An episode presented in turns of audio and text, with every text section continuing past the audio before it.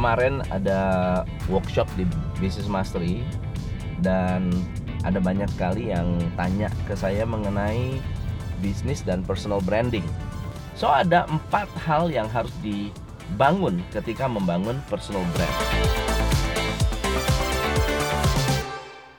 Uh, pada saat itu saya membahas mengenai blueprint bagaimana sebuah perusahaan perlu memiliki sebuah blueprint yang sejauh-jauhnya. Bisa 10 tahun, bisa 20 tahun, bisa 100 tahun.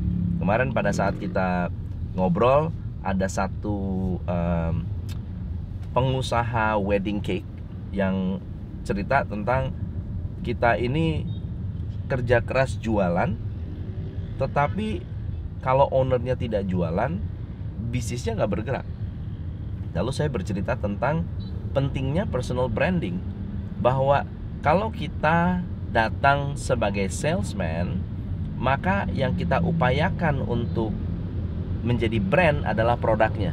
Padahal sebetulnya orang membeli orang. Jadi orang percaya pada orang. Kalau kita adalah penjual wedding cake lalu kemudian kita hanya fokus menjual wedding cake saat kita menjual produk lain orang akan merasa bahwa ini bukan bidang kamu. Tapi kalau kita mempromosikan kita sebagai sebuah brand, sebagai expert, sebagai orang yang bisa memberikan solusi, menjual produk apa pun orang percaya karena mereka melihat kita, bukan melihat produknya. So ada empat hal yang harus dibangun ketika membangun personal brand.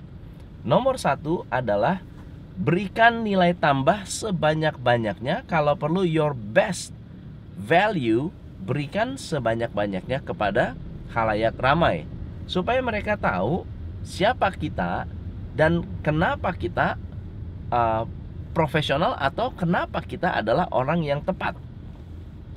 Yang kedua adalah fokuskan kepada nilai tambah yang memang bisa langsung diimplementasi. Kalau Anda memberikan tips tentang wedding, Anda berikan tips tentang apa hal-hal yang bisa langsung dimanfaatkan oleh orang-orang yang mau menikah. Kalau misalnya Anda adalah seorang pengusaha uh, bajaringan, beri yang bisa langsung dipakai. Cara milih bajaringan yang gampang, cara membuat orang itu tidak ketipu saat membeli baja ringan. Oke. Okay? Yang ketiga adalah konsistensi. Tidak ada yang bisa mengalahkan konsistensi. Kalau Anda bisa memberikan value setiap hari, lakukan setiap hari. Tapi kalau Anda tidak bisa tiap hari, jangan pernah mencoba untuk melakukan setiap hari lalu berhenti. Lakukan konsisten, terus, tidak pernah berhenti. Dan kalau bisa komitmennya adalah setiap hari Rabu, hari Rabu harus Anda buat sesuatu.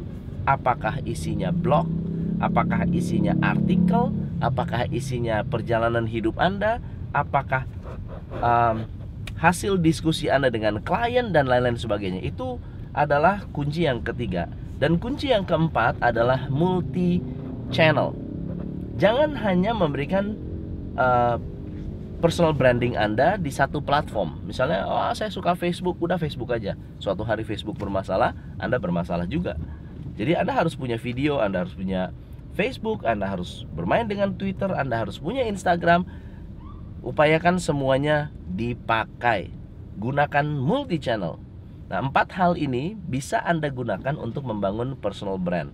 Pada saat Anda memberikan uh, kontribusi kepada orang dan mengatakan bahwa hey ini produk bagus orang tidak melihat produknya tetapi mendengar nasihat Anda. Kenapa? Karena in the past nasihat Anda selalu tepat. Nasihat Anda selalu efektif. Nasihat Anda selalu jitu.